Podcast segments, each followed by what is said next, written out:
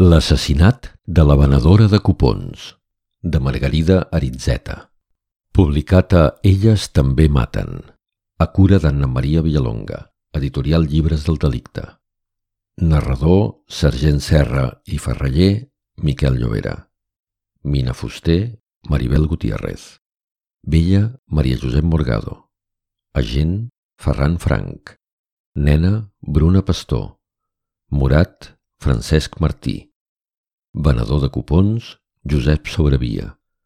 Consol, Anna Maria Villalonga. De En veu alta, enveualta.cat. Era dilluns i plovia. Els carrers estaven col·lapsats. Dotzenes de cotxes carregats amb adolescents i motxilles arribaven tard a l'entrada de l'escola de secundària. La inspectora Mina Fuster va mirar fugaçment per la finestra mentre engegava l'ordinador i va veure la marquesina abaixada. Llavors es va adonar d'una cosa que ja havia d'haver notat, però que amb les presses del dilluns i la pluja no havia sabut veure. La garita de l'once estava tancada. Mai no comprava cupons, la inspectora Fuster. No era dels qui creuen que d'un moment per l'altre la sort et pot canviar la vida. La rifa no formava part dels seus costums.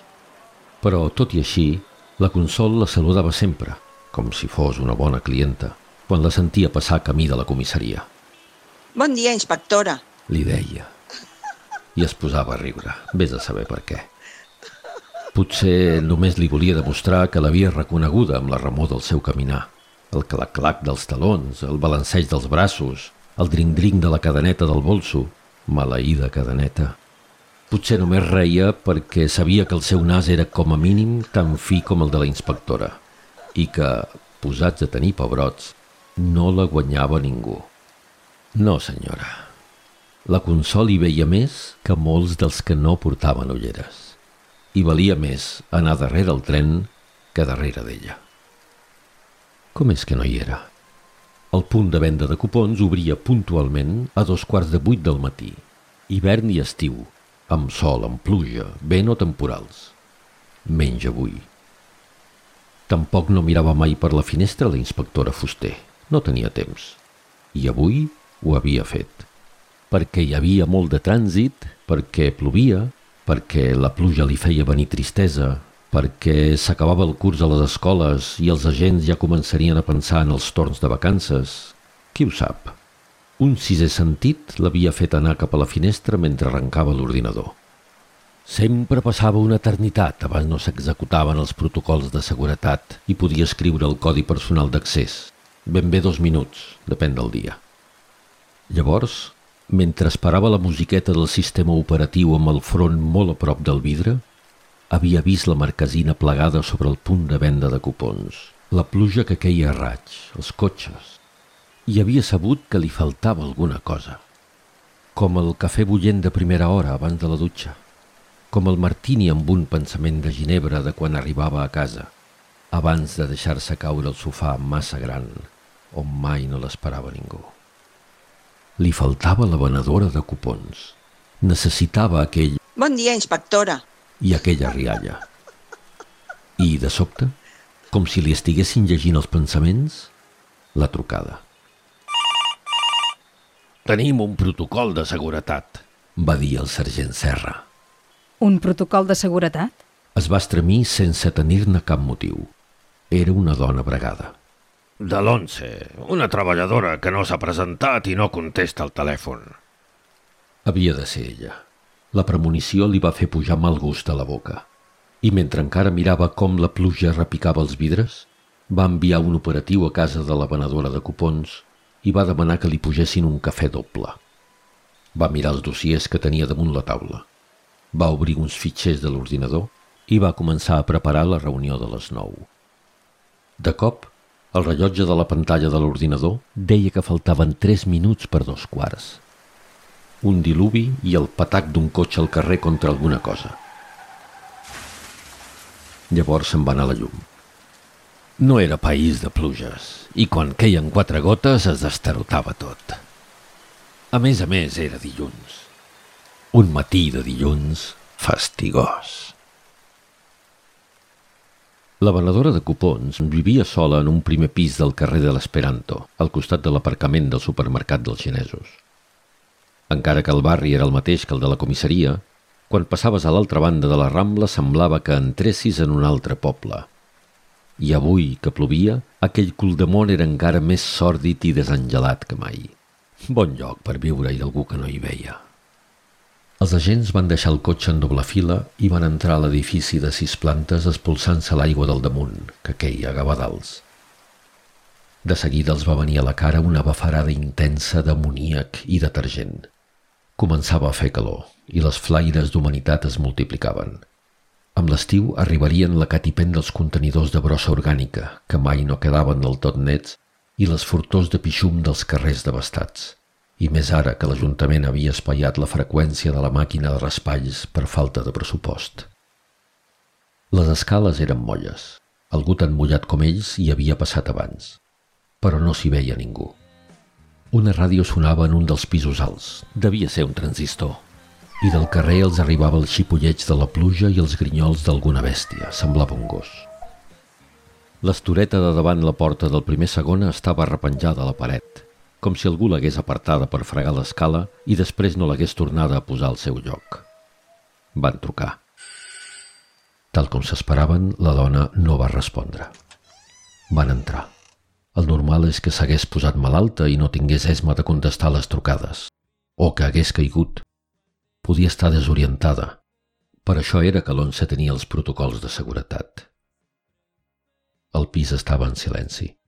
Feia olor de casa confortable, de crosta de pa, de cera dels mobles i d'ambientador de pi. Era com si després de travessar la fregor d'una selva entressis en un refugi tebi i olorós. Van tancar la porta al seu darrere. Els interruptors no funcionaven. Tot el bloc estava a les fosques. I a les fosques la van veure, abans i tot d'arribar a la finestra per aixecar la persiana. La venedora de cupons estava asseguda en una cadira en una posició estranya, com desconjuntada, amb el cap tan decantat enrere que feia mal de mirar-la. A la llum blanquinosa de la llanterna feia esgarrifar. No havia caigut. No estava malalta. Algú molt sàdic havia fet amb aquella pobra dona una veritable carnisseria. La gent sabia que era el primer mort que veia en acte de servei va sentir que li pujava una glopada agra i va córrer cap a la pica de la cuina. La Consol feia més d'un dia i mig que era morta quan l'havien trobat. La inspectora Fuster intentava recordar la darrera vegada que l'havia vista al seu punt de venda. Plegava a mitja tarda i després se n'anava a fer el recorregut dels bars, on tenia clients habituals. Feia comptes amb els cupons premiats i en deixava de nous per als pròxims sorteig. Però dissabte... Va fer memòria. Sí, quan dissabte al migdia havia passat per davant de la garita, la Consol encara hi era. Que tingui un bon cap de setmana, inspectora. Li havia dit. Pots pensar. Recorda que li va venir al cap, però li va respondre. Igualment, Consol, cuidis. I té, ja no hi era. Però com és que no van activar el protocol abans, si era morta de dissabte? Bé, havia venut els cupons del sorteig del cap de setmana. No hi havia motiu per pensar que... Cap protocol de seguretat no pot evitar la barbària si la víctima ha estat treballant com una formigueta fins al darrer moment i ha obert la porta de casa al seu agressor sense saber que amb aquell gest li va la vida. Perquè la Consol havia obert la porta. Coneixia a qui l'havia agredit L'havia fet passar i s'havien preparat cafè. Les tasses encara eren a la pica i la cafetera reposava mig plena sobre la vitroceràmica. Pobra dona. Estava tan segura d'ella mateixa. L'havien mort a cops de martell al cap, però abans l'havien torturada brutalment. Tenia la brusa arrencada, els mugrons tallats amb unes tisores de cuina dos dits de cada mà escapçats i llançats per terra com si fossin botifarrons. Però no semblava un crim sexual, almenys a primer cop d'ull. Era com si l'haguessin torturada per fer-li dir on amagava alguna cosa molt valuosa.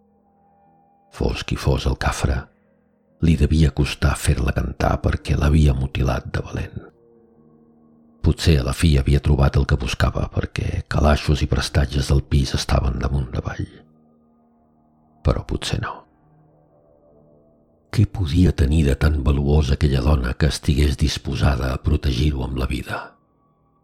Què hi ha de més valuós que la vida, arribat el moment de triar?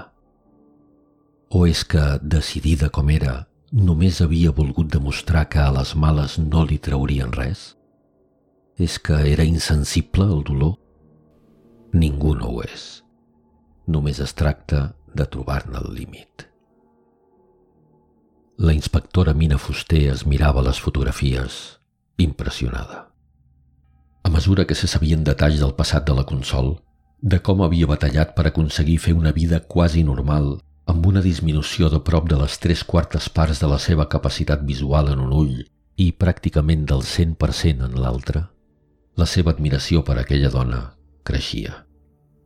Però també havia d'admetre que podia haver anat creant enemics, perquè així que algú batalla i se'n surt, desperta sempre una marea hostil al seu voltant – ell en sabia prou de marees i de buits al voltant. I, de sobte, sense saber per què, va pensar en la seva mare. Feia dos dies que no li trucava. Mai fins ara no se li havia acudit que li podia passar alguna cosa i que ella no hi seria, que no hi hauria ningú. La mare, gran i sola, en un pis. Tossuda com una mula. Va tornar a mirar les fotografies. Les veïnes parlaven d'un home que de vegades anava per aquella casa. I també deien que a la cega li agradava el mam. No, no l'havien vist ensopegar per les cantonades, ni plegar-se per l'escala o vacilar a l'hora de posar la clau al pany. Però de vegades la sentien que cantava. Borratxa perduda, i tant. I si no, de què li havien de venir aquells cants? Dissabte, aviam. Sí, dissabte. Dissabte, el veí de dalt, que recollia ferralla, havia vist entrar la dona que li feia la neteja. Una, una turca o una russa o potser una gitana era. Una d'aquelles dones que parlen que no s'entén de res. Una bruixa que així que et veia escopia a terra i feia una creu amb els dits sobre els morros. Després vaig sentir crits i la veu d'un home, diu el ferraller. I un cop de porta però ell no s'hi havia fixat perquè no era cosa seva vigilar les veïnes. Nòvio ca, que no l'ha vista, guàrdia. A la seva edat i amb aquella mirada. Gallina dura que no val ni pel caldo. Què vol que li digui? Ara que, pagant, qui sap. Tenia quartets, la fadrina. I amb quartets, ben untat, jo i tot li hauria tocat el violí. No, no, mai no vam parlar de... ja m'entén que un és un home i té la seva dignitat. Al vespre, quan la inspectora Fuster va passar per davant del punt de venda de cupons, per un moment va tenir la impressió que sentiria... Bona nit, senyora inspectora. I la rialla. Però la garita estava tancada i els carrers encara estaven molls de pluja. L'apartament on vivia la Luana, la dona albanesa que feia la neteja a casa de la Consol, era petit i fosc. En realitat era un sota taulada que en altres temps havia servit de safareig i estenedor comunitari. Feia anys que els propietaris de la casa l'havien tancat i adaptat com a habitatge i encara l'havien partit en tres habitacions on vivien altres tantes famílies. La Luana no hi era, i tampoc no hi havia en Murat, l'home que segons el veïnat passava per ser el seu germà, que de vegades es quedava en aquella golfa. Vés a saber, amb aquesta gent pots pensar el que vulguis.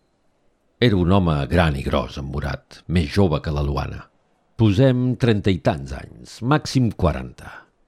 D'aspecte ferotge i malcarat, com un pastor de les muntanyes, no sé si m'entén, així com primitiu. Sovint discutien a crits i després ell li pagava. Ningú no sabia que treballés de res ni que tingués papers legals per estar-se al país. Potser la Luana tampoc no els tenia. Aquest tal Murat és una mala peça. Diu que s'entén amb una cega i li fotrà tots els quartos que podrà. Va explicar la vella del primer quarta. La cega que diu és morta. Va replicar la gent molest per aquella xerrameca. Ah, doncs així els hi ha fotut. Va riure la vella ensenyant unes genives sense dents. No els havia vist ningú en tot el cap de setmana, com si s'haguessin fos. De dissabte al matí, que no hi són. Va explicar una nena molt morena amb uns ullassos enormes que jugava a nines al terrat. Vaja, però potser després van tornar. No, no han tornat ni tornaran. Com ho saps? Vaig veure que marxaven amb una maleta. Quan agafes la maleta, vas lluny i ja no tornes. No tornes mai. La gent se la va mirar. Set anys, potser vuit, i molta vida al darrere. Que no vas al col·legi? Ella va fer que no amb el cap. On és la teva mama? Es va encongir d'espatlles i va continuar jugant. El paper del jutge autoritzant l'escorcoll va arribar de seguida. L'habitació de la Luana estava neta i endreçada. Aviat va estar tot vist. En lloc no van trobar cap peça de roba tacada de sang. En un calaix, però, hi havia una fotografia de la Luana i la Consol, somrients totes dues, amb uns barrets cònics de paper al cap, espantassogres i collarets de serpentines. Potser una festa de cap d'any. Sota la fotografia, una pila de roba interior de dona, i sota la roba interior unes arracades de perles. La inspectora Fuster es va mirar atentament aquelles arracades. A la fotografia penjaven de les orelles de la consol. Va ampliar la foto i va agafar una lupa per mirar-se les arracades. Ja ho havia comprovat el sergent Serra, encarregat de l'operatiu. Eren les mateixes sense cap mena de dubte. Calia veure si les empremtes trobades a la casa de la venedora de cupons coincidien amb les que havien tret de l'apartament dels albanesos, sobretot la marca de sang al pom de la porta. Si era així, cursarien una ordre de detenció contra en Murat i la Luana. El fet que haguessin desaparegut cantava d'una hora lluny. La inspectora Mina Fuster va guardar les fotografies i va intentar concentrar-se en els altres dossiers sense gaire èxit. Mira que matar una cega. El dimarts estava sent tan fastigós com el dilluns. Quan la inspectora va arribar a casa, era fosc i negre, i això que la claror s'allarga molt en aquestes èpoques de l'any.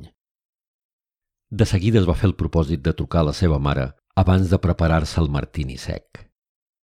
De divendres que no hi parlava. Tenia dues trucades d'ell al contestador.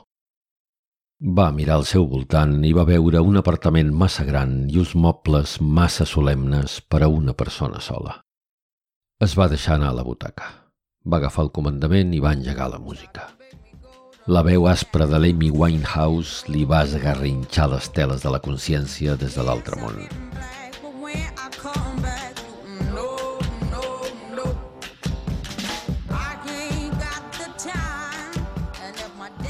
Va tenir l'energia justa per preparar-se el dry martini i deixar-se caure al sofà amplíssim, solitari, que mai no compartia amb ningú. S'adormiria allà mateix, si podia, després de revolcar-se en un pou de pensaments fangosos que algun dia acabarien per ofegar-la si no hi posava remei. Trobava a faltar l'olor de la brega, el tacte d'una pell, tot i que sabia que si ho tenia, ho tornaria a espatllar. Merda de dimarts. Merda de vida. La mare hauria d'esperar un dia més.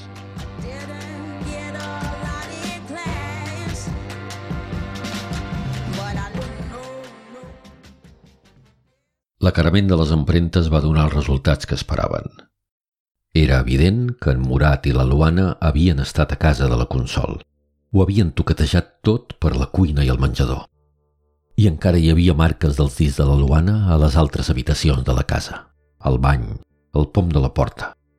No resultava estrany si era la dona de fer feines. Però les seves empremtes no apareixien a la cadira on havien lligat la morta, ni a les tisores, ni al martell en què havien rebentat la closca de la pobra venedora de cupons. Tampoc no n'hi havia d'en Murat. En realitat, no n'hi havia de ningú. Per matar-la d'aquella manera tan salvatge, s'havien d'haver posat guants. Aquest detall encara feia més angúnia. Algú s'havia assegut amb la pobra doneta a xerrar. S'havia begut el seu cafè i mentre ella anava a deixar les tasses a la pica, s'havia posat parsimoniosament els guants i s'havia tret la cinta adhesiva de la butxaca. La dona l'havia d'haver sentit moure, s'ho sentia tot, però no s'havia imaginat que aquell rebuscar a les butxaques o a la bossa era l'inici d'un calvari de tortures brutals que li acabaria robant la vida. Després, qui fos que l'havia morta, havia regirat la casa i li havia buidat els calaixos. Llavors s'havia tret els guants tranquil·lament i li havia comprovat el pols per assegurar-se que ja no li bategava el cor.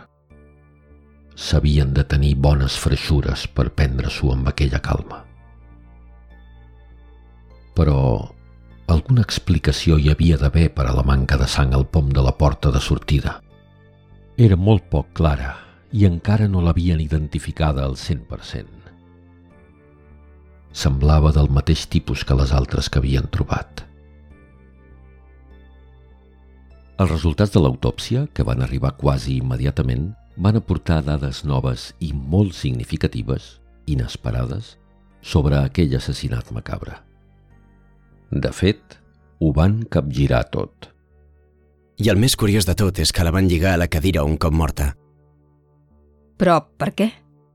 Potser per simular que l'havien torturat perquè parlés. I no ho van fer? No. Tant els mugrons com els dits els van tallar quan la dona ja era morta. Les marques de la cinta adhesiva que fixava el cadàver a la cadira i els talls demostraven de manera evident que quan havien lligat la dona, quan l'havien mutilada, el cor ja no li bombava la sang. La causa de la mort havia estat un cop de martell que li havia esbarlat la closca. Ho havia fet algú que no era gaire més alt que ella, mentre la venedora de cupons estava de cara a l'aigüera. Els altres dos cops de martell indicaven que la dona ja era a terra i que l'agressor s'havia assegurat de matar-la ben morta. Però no hauria calgut. La seqüència, doncs, era una altra, tot i que, a grans trets, es mantenia la mateixa que havien suposat. Algú s'estava posant els guants a l'esquena de la consol per matar-la, aprofitant el clima de confiança que s'havia creat entre la víctima i l'agressor mentre prenien cafè. Després havia fet neteja i abans de marxar s'havia assegurat d'haver fet la feina ben feta. Putiners, per què s'havia tret els guants? Així doncs, el mòbil el mòbil més probable és el robatori. L'albanès? Potser sí, si estava assegut. No diu que és un home gran i gros? I una dona ho podria haver fet? Penses en la dona de fer feines? Sí, però quin motiu tenia aquella dona per matar la venedora de cupons? Per unes arracades que al moment de fugir s'havia deixat el calaix de casa? Quan era que havien sortit amb la maleta de l'apartament? Abans o després de matar la venedora de cupons? Què hi feien aquelles arracades al calaix? Havien de revisar els comptes del banc de la Consol, saber si tenia patrimoni, veure què en podien haver tret aquells lladres sense ànima d'aquella mort. La Luana havia tornat al seu apartament al cap de dues setmanes. Contràriament al que havia dit la nena que jugava amb una nina de drap al terrat de la casa. Portava la mateixa maleta, i en això la nena no s'havia equivocat. Era la maleta d'anar lluny i no tornar. I la Luana no pensava viure mai més en aquell poble d'Albània on acabava d'enterrar el pare. De l'oficina central van trucar a la comissaria per avisar que la dona de fer feines de la venedora assassinada acabava de compareixer visiblement afectada. Semblava sorpresa per la mort de la Consol. No parava de repetir que eren amigues i s'havia ensorrat quan li havien dit que la policia la buscava, a ella i en Murat, i que tenien obligació de donar-ne part perquè tots dos estaven en cerca i captura. La Luana va assegurar pel dret i pel revés que aquelles arracades eren un regal en prova d'amistat i que la Consol, tot i que li faltava la vista, havia estat per a ella la llum que li havia orientat els dies foscos de la seva emigració. Va dir que sí, que en Murat de vegades feia feinetes a la cega i que sempre les hi pagava i que va ser ella qui el va demanar quan el va conèixer, aquella festa de cap d'any quan s'havien fet la foto a casa d'uns coneguts. No va entendre la pregunta de la gent quan li va dir que concretés aquelles feinetes. La dona no dominava l'idioma i no comprenia subtileses ni era capaç de fer-les servir. No, en Murat no tenia la clau del pis. Ella tampoc no la tenia. Sempre els obria la consol. I sí, aquell dissabte li van anar a dir que anaven a Albània a enterrar el pare i en Murat, que encara parlava i entenia l'idioma pitjor que ella, va tenir el mal gust de demanar diners a la venedora de cupons i la Luana el va renyar. No suportava que fes servir el dolor de la mort del pare, que se servís de la seva memòria per sablejar una pobra dona que estaria disposada a ajudar-los per pagar el viatge si n'haguessin tingut necessitat. Però la veritat és que no en tenien. Per enterrar el pare no. Aquesta havia estat la discussió. I en Murat havia marxat amb un cop de porta. Llavors la Luana havia fet cafè i se n'havien pres una tassa cada una per a serenar-se. Era la darrera vegada que l'havia vist. Quan va tornar de l'enterrament del pare, les veïnes li van dir assassina i va córrer cap al primer segona del carrer de l'Esperanto. La Consol l'ajudaria, tal com l'havia ajudat sempre, davant de la violència d'aquella gent que sospitava de tothom que no fos igual que ells. Però no va respondre ningú. Llavors va anar a l'Once per demanar-los on era la Consol, que no contestava. A l'Once la coneixien, tenien les seves referències, treballava en altres cases de venedors de cupons. Li van dir que no hi podria tornar i que havien d'avisar els Mossos. Assassina! No entenia del tot la llengua, però aquesta paraula la va fer esgarrifar. Quan els agents que la interrogaven li van ensenyar les fotografies del cadàver mutilat, la dona va perdre el coneixement. Si fingia, dissimulava molt bé. Aleshores, li van preguntar on era en Murat. En Murat dormia al sofà esventrat de l'apartament sota teulada. Mai no s'havia amagat.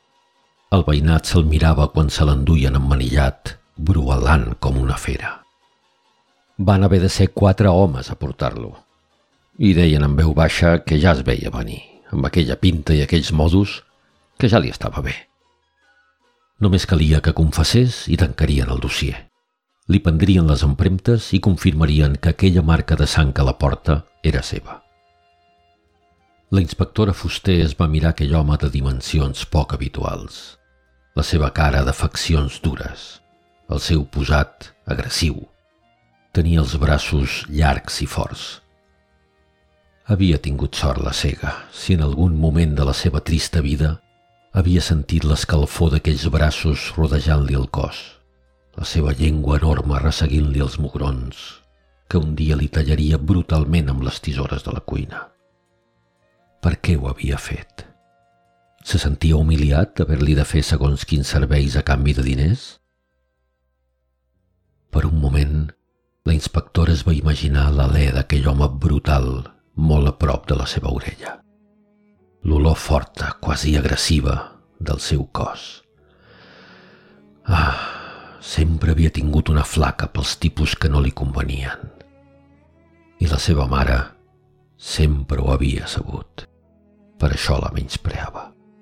Per això, encara que fos vella i desvalguda i visqués sola en un pis, no li podia tenir cap mena d'efecte.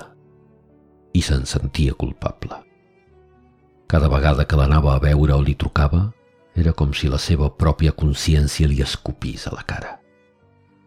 Ahir ho havia provat. No van passar de dues paraules. Va veure que parlava, que tenia prou coratge per començar la lletania de recriminacions i va penjar. Estava bé. Per què s'havia de fer mala sang? Ah, maleïda feina que et remou els fangs de l'ànima. La inspectora Mina Fuster va repassar una vegada més el dossier. Hi havia prou base per incriminar aquell home. No s'hi podia fer res. Durant l'interrogatori, en Murat s'havia empatollat amb la història que havia tornat al pis de la Consol per demanar-li els diners que ell els oferia i la seva germana no li havia deixat agafar. Però que ja no havien pogut parlar perquè ella... perquè ella... S'explicava tan malament que vés a saber què volia dir. Però aquella marca de sang portava el senyal inequívoc del seu dit. Havia tornat al pis i l'havia morta. No, no, no! Cridava exasperat amb la boca torta. Doncs, si no ho havia fet, per què no havia denunciat l'assassinat? L'avió! S'empatollava. El pare! Et pensaves que no ho sabríem? Mentre se l'enduien de la sala d'interrogatoris, en Murat va tornar a cridar que era innocent, que no havia mort a ningú i que mai no havia tocat un cabell del cap d'aquella dona.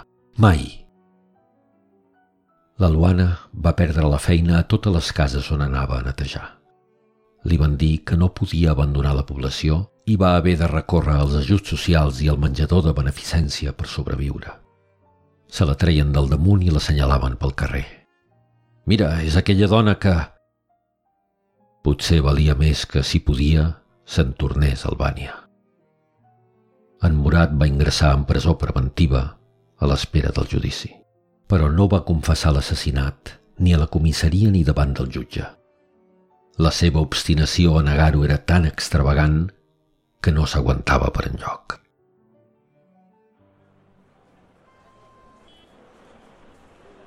Un dilluns al matí, quatre mesos després, tothom havia tornat de vacances i la tardor començava a omplir de fulles seques els vorals de la Rambla. La inspectora Mina Fuster caminava cap a la comissaria poc abans de les 8 del matí. De vegades encara pensava en aquell albanès, gran i gros, assalvatjat, i com li hauria agradat de conèixer-lo amb més calma si no hagués assassinat la pobra Consol.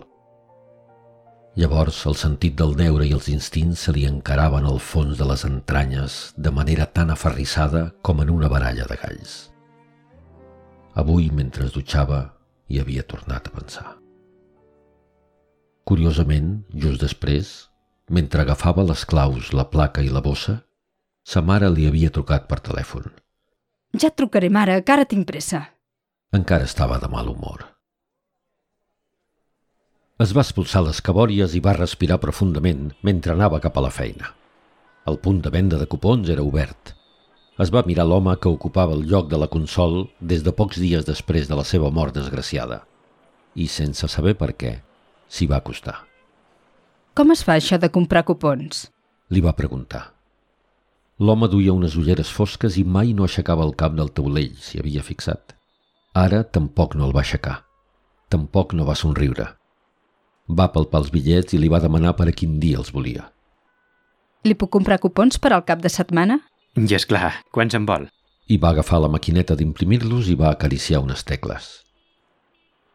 En realitat, mai no havia tingut cap intenció de comprar-li cap butlleta i una onada calenta li va fer enrogir les galtes. Per sort l'home no la podia veure, o almenys ella s'ho va pensar. Es va disculpar que no portava el moneder i va córrer cap a la feina. Quan es va seure davant l'ordinador i va engegar la màquina, va desviar la vista cap a la finestra, d'instint. Volaven fulles i de tant en tant alguna d'aquelles fulles, semblava de plataner, fregava el vidre. Llavors li va venir a la memòria, per un estrany mecanisme d'associacions, aquell matí que plovia i s'havia aixecat per mirar el carrer mentre l'ordinador seguia tot el protocol de les claus d'accés, quan havia vist la marquesina abaixada. Ara sabia que aquell matí li havia faltat alguna cosa. Aquell... Bon dia, inspectora. I aquella rialla. Per això s'havia alçat inquieta i havia guaitat per la finestra, una cosa que no feia mai. I ara, al cap dels mesos, s'adonava que aquella rialla encara li faltava. Segurament per això s'havia acostat al punt de venda demanant com es feia per comprar cupons. Necessitava cridar l'atenció d'aquell home que no la coneixia i mai no la saludava, perquè la vida és feta de petits detalls, de rutines i de persones anònimes que ens omplen de seguretat el paisatge que trepitgem cada dia. Com el cafè del matí, o l'olor de l'escala, el dring-dring de la cadeneta del bolso.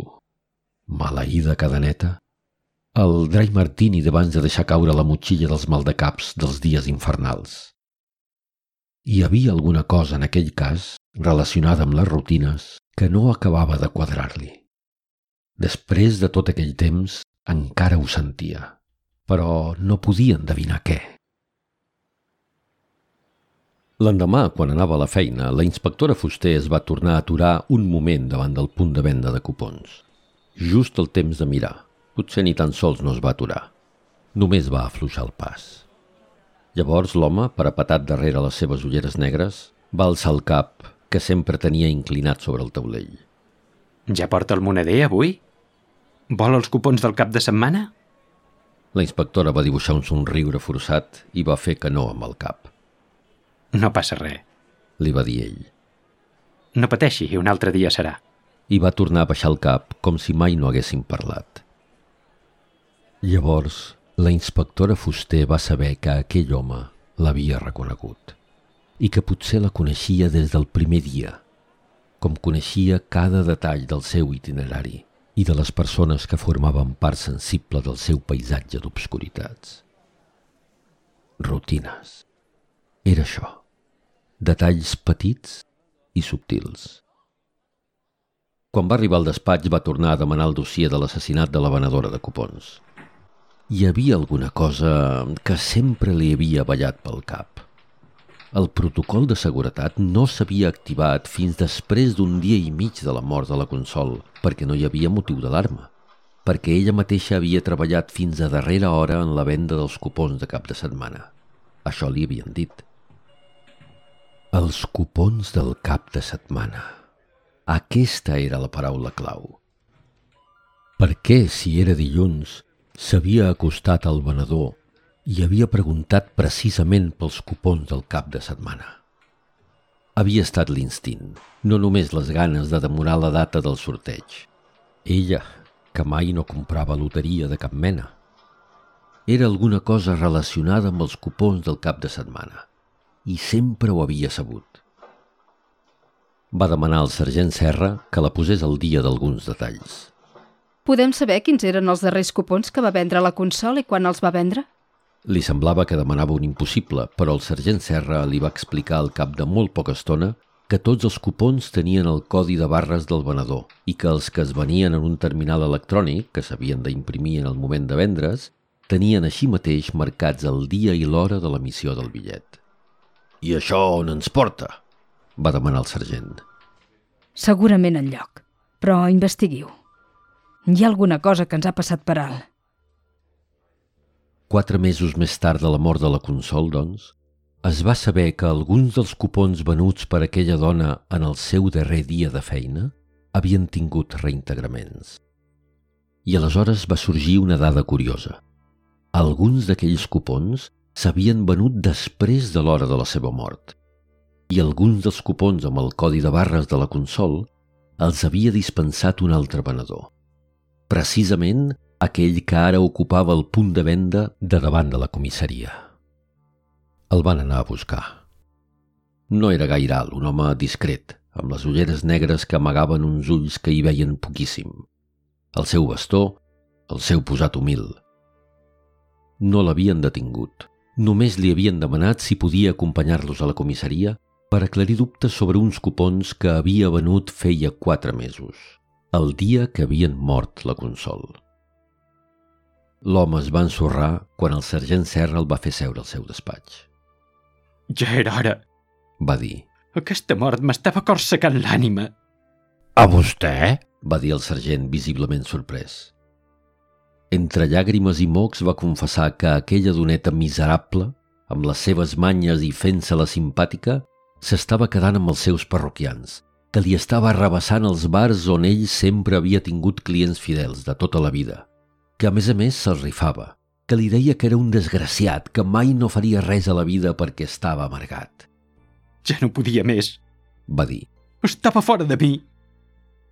Així que aquell dissabte se'n va anar cap al carrer de l'Esperanto. No era la primera vegada que hi anava. L'havia advertida. L'havia amenaçada que deixés de ficar-se on no la demanaven però ella se'n reia. I què hi vols fer si els caic més bé jo? I com ho pots evitar que si em compren els cupons a mi tingui més bons premis? És la sort. Sempre he tingut sort. Li deia. I reia. Sempre aquella rialla. de manera que ja n'hi havia prou. Però, home de Déu, vol un advocat? Ja s'adona del que està dient? Vaig agafar el martell perquè el tenia a mà. No sé si volia matar-la. I guants? Sí, és clar, per si de cas. La porta de casa de la Consol es va obrir al seu davant abans que truqués. Sortia una dona i la Consol aguantava la porta. Va tenir el temps just d'amagar-se al fons del replà.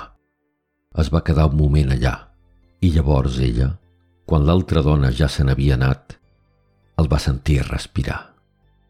Què hi fas tu aquí? Això ho hem d'arreglar. D'avui no passa, Consol. Va, home, és la sort. Coses de la vida, no s'hi pot fer res. Vine, que tinc cafè calent. Se'n va anar cap a la pica per rentar les tasses. No, espera, li vaig dir. I li vaig posar una mala espatlla. Ella va riure i llavors li vaig clavar un cop de martell al cap amb tota la meva força. Oh, aquella manera de riure. Es va plegar allà mateix, però no vaig poder parar. Va ser un mal moment. Confessa. Però arriba una hora que un ja no pot més. Però i aquella carnisseria? L'home es frega els polsos, els ulls sota les ulleres i gemega enfonsat. Va ser casualitat. Vaig tenir una idea. Casualitat? Sí, veurà com va anar. De moment em vaig esgarrifar. M'agafaran, vaig pensar. Sabran ho he fet jo. I llavors em vaig asseure a terra al seu costat i m'hi vaig estar una estona. Però ja no hi havia res a fer. I llavors l'home va decidir anar-se'n i que fos el que Déu volgués. Portava guants. No havia deixat marques en lloc. No el buscarien. Quan ja se n'anava, ja havia obert la porta, va sentir remor a les escales i es va esperar. Per sorpresa es va donar que aquell home que pujava entrava a casa de la Consol. Caminava fins a la cuina. Va sentir gemecs, com si plorés. Ara trucarà a la policia. Va pensar. Me n'hauria d'anar. Potser no se'l creuran. El martell és allà, el deu haver tocat. Però l'home, gran i gros com un Sant Pau, va tornar a sortir sense trucar a ningú. Encara plorava. Devia ser aquell estranger que van agafar. Vaig pensar, ja està solucionat. Ell ho ha d'haver toquejat tot. I vaig tenir la idea. Vaig entrar a la cuina una altra vegada, la vaig asseure en una cadira, la vaig lligar amb esparadrap, el tenia al calaix de la taula, vaig agafar les tisores, total, ja era morta. Després vaig buidar els calaixos, li vaig agafar els diners que tenia guardats. I li va agafar els cupons que tenia per vendre. Com ho sap? No va saber mai que seria aquest gest el que el perdria. La rutina, l'instint de l'ofici, l'ànsia de recuperar els clients. L'home plorava. Jo no sóc així. Li dirà tothom que sóc un bon home. Però aquella manera de riure, aquell presumir de la bona sort, allò de fer-me veure que jo era un desgraciat. Vaig cremar la roba, la notava per tot arreu, bruta de sang, però encara tinc els guants. Aquells maleïts guants. La inspectora Fuster mira per la finestra. La marquesina està desplegada, però al punt de venda de cupons no hi ha ningú. Els cotxes omplen els carrers i una ventada seca arrossega les fulles de la Rambla i les escampa en remolins per terrats i teulades. Una fulla de plataner frega el vidre. S'hi aguanta un moment com si una mà invisible la sostingués i se'n va volant. Pensa en Murat, en el seu aspecte ferotge, i agafa el telèfon. Hola, mare.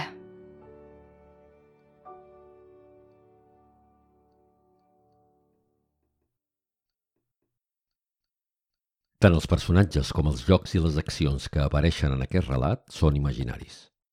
Qualsevol semblança amb persones o fets reals és només una il·lusió.